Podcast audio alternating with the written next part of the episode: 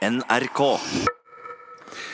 Og denne mye omtalte skulpturen skal vi selvfølgelig snakke mer om i Fredagspanelet, så da skynder vi oss å bare ønske velkommen til eh, Karen Kristine Blågestad, kulturredaktør i Fedrelandsvennen. God morgen. God morgen til deg òg. Guri Itzøviken, skribent og eh, blogger på Good Evening Europe. Velkommen. Takk. Og god morgen også til Bjørgulf Vinje, Borgenvåg, kommunikasjonssjef i Norsk Lektorlag. God morgen. Altså, Paul McCarthys gigantiske hagenisse skaper debatt. Seks meter høy, knall rød, som vi hørte i reportasjen. Meningene er delte om kunstverket, og hva holder den egentlig i hånden? Kjære panel, er dette god kunst for det offentlige rom? Eh, Bjørgulf? Ja. Guri? Ja. Karen Kristine? Ja. Ja vel, ja. Hva, la oss begynne i sør, da. Hva gjør dette til god kunst? Eh, nei, det er litt gøy. Eh, det er jo kanskje litt frekt. Jeg har jo ikke sett eh, skulpturen selv ved selvsyn, men eh, jeg syns ikke vi skal ta kunsten så alvorlig. Vi skal smelle opp masse kunst i vårt landskap og i våre offentlige rom. Og så er noe bra kunst, og så er noe litt dårligere kunst, og så fungerer noe, og så fungerer noe ikke fullt så godt, osv. Og, så og så må vi huske på at når vi plasserer opp en skulptur, så behøver den ikke stå der for all evig. Den kan ta tas ned. en slags trøst. Ja, men eh, jeg syns jo Paul McCarthy, som Mona Palabierke sa, han er jo en veldig anerkjent eh, god kunstner som har eh, jobba med provokasjon lenge. Han begynte jo på 70-tallet med å stikke Barbie-dokka opp i rumpa si. Så han har jo gjort mye rart for å provosere folk. Og har jo f.eks. jobba veldig mye med måte, forholdet mellom høyt og lavt og Disney-kulturen som man har uh, brukt mye i kunstene sine og sånn. Så hvis man ser det i den sammenhengen, så er det her en eh, OK uh, skulptur. Den har jo stått i den har jo stått i Rotterdam i snart 20 år, så den, det er jo ikke noe nytt og spennende med den. Ja, jeg må si at jeg er ikke helt enig med kunstkritikerne at det ikke, ikke skal provosere folk at det står en seks meter høy skulptur som dette her i en rundkjøring midt i byen. Og Det som jeg synes er interessant, er jo egentlig at kunstnerne er veldig tydelige på hva det er. Fordi For 20 år siden så var det debatt på Gardermoen om en skulptur av Bjørlo, hvor folk syntes det så ut som en fallen fallos, og kunstneren sa men det er ingen fallos. For ti år siden var det en kunstner i skauen som var sur fordi bygden hadde fått tredd en eh, betongpenis nedover hodet på en ungdomsskole, og kunstneren sa ja, men det er ikke en fallos. Og nå sier kunstneren hva det er.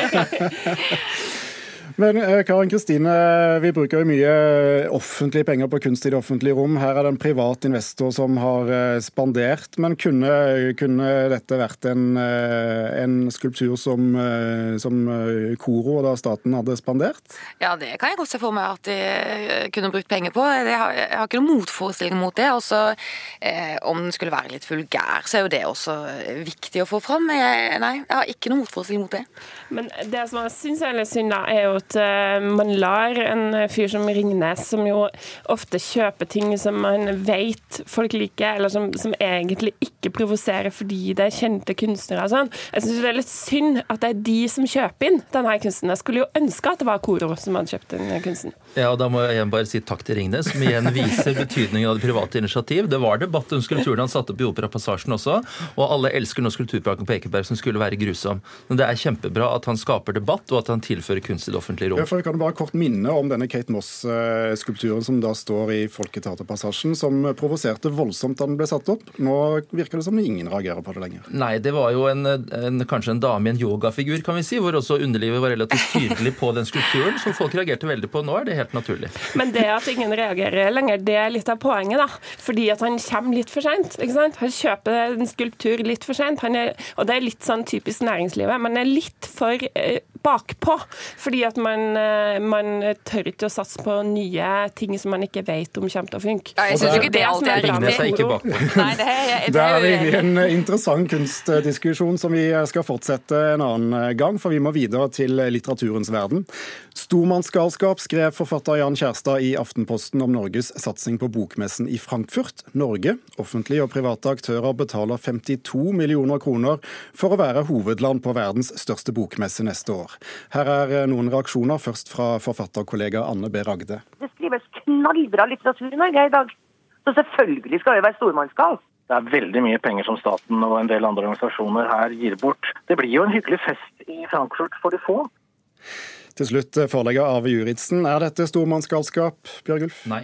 Guri? Tja. Tja, Karen Kristine? Nei, det er ikke stormannsgalskap. Nei. Tja. Det er litt på den ene og den andre siden. Ja, jeg syns Jan Kjærstad har noen poeng. Det er jo klart at for uh, meg, for eksempel, som har skrevet en bok, syns jeg jo det er flott at, uh, at bokbransjen bruker masse penger på å prøve å markedsføre norsk litteratur i utlandet.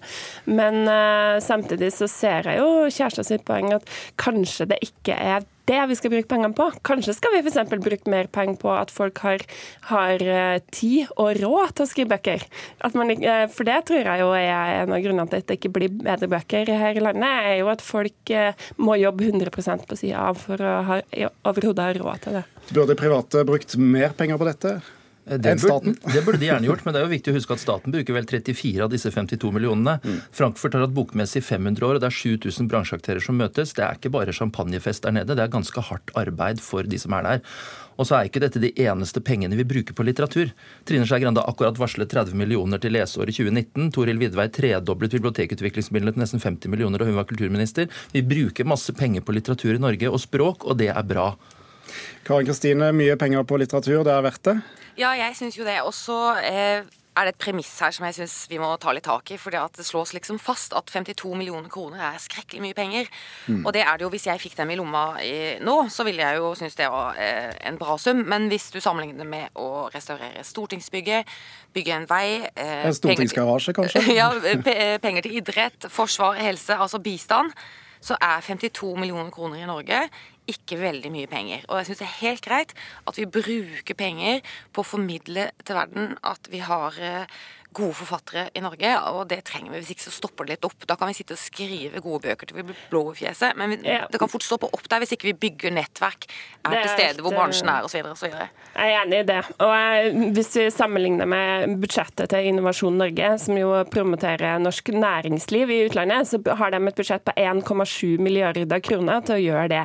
Eh, sånn at i den sammenhengen så er det ganske lite å bruke 54 millioner på å markedsføre litteratur som vi jo vet, f.eks. gjennom eksempel som Knausgård og Jon Fosse, promoterer Norge veldig mye i utlandet. Kort, Men jeg syns det er veldig bra at Kjærstad skaper debatt. For 100 år siden var kunstneren i nysgjerrighetens brennpunkt og sto høyt i borgeres akt, sa Ment Skjullerud i boken eh, 'Norsk kunstnerliv'. Og det er kjempebra at han skaper debatt. Jeg skulle ønske vi fikk mer offentlig debatt om kunst, og at flere nå gikk ut i gatene for eller mot Frankfurt. Veldig fin tankestrek til slutt. Vi skal fra bok til musikk.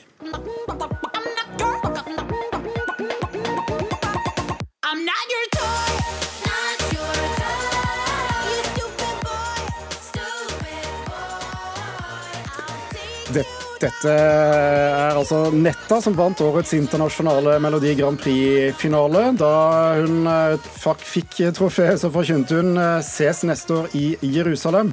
På Island så har nå 17 000 underskrevet på en eh, kampanje for å boikotte neste års internasjonale Melodi Grand Prix-finale. Spørsmålet blir da, går politikken på bekostning av musikken, Karin Kristine? Eh, ja. Grand Prix blir politisk gissel. Bjørgulf? Ja. Nei. Nei.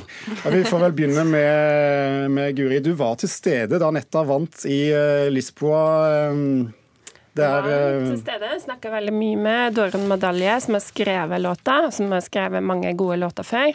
Og jeg, selv om jeg er kritisk til, til Israel på, på mine andre kanaler, så uh, syns jeg jo at uh, vi kan jo ikke si til Israel at de får lov til å være med bare de ikke vinner. Så jeg uh, syns jo det var en fortjent seier. Vi sier vel det litt til Australia som er med, da. Ja, ja. Men uh, de burde ikke få være med ellers.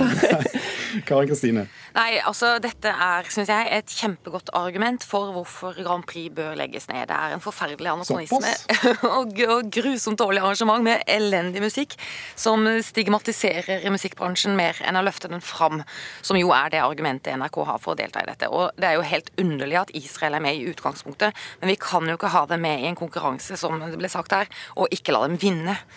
Hva sier du til en slik eh, kraftsalve, Bjørgulf? Ulf? jeg vil gjerne være med å diskutere hvorfor det heter Melodi Grand Prix eller Song Contest, for det er blitt en show contest. Mm. Men eh, at vi skal legge ned, er jeg selvsagt ikke enig i.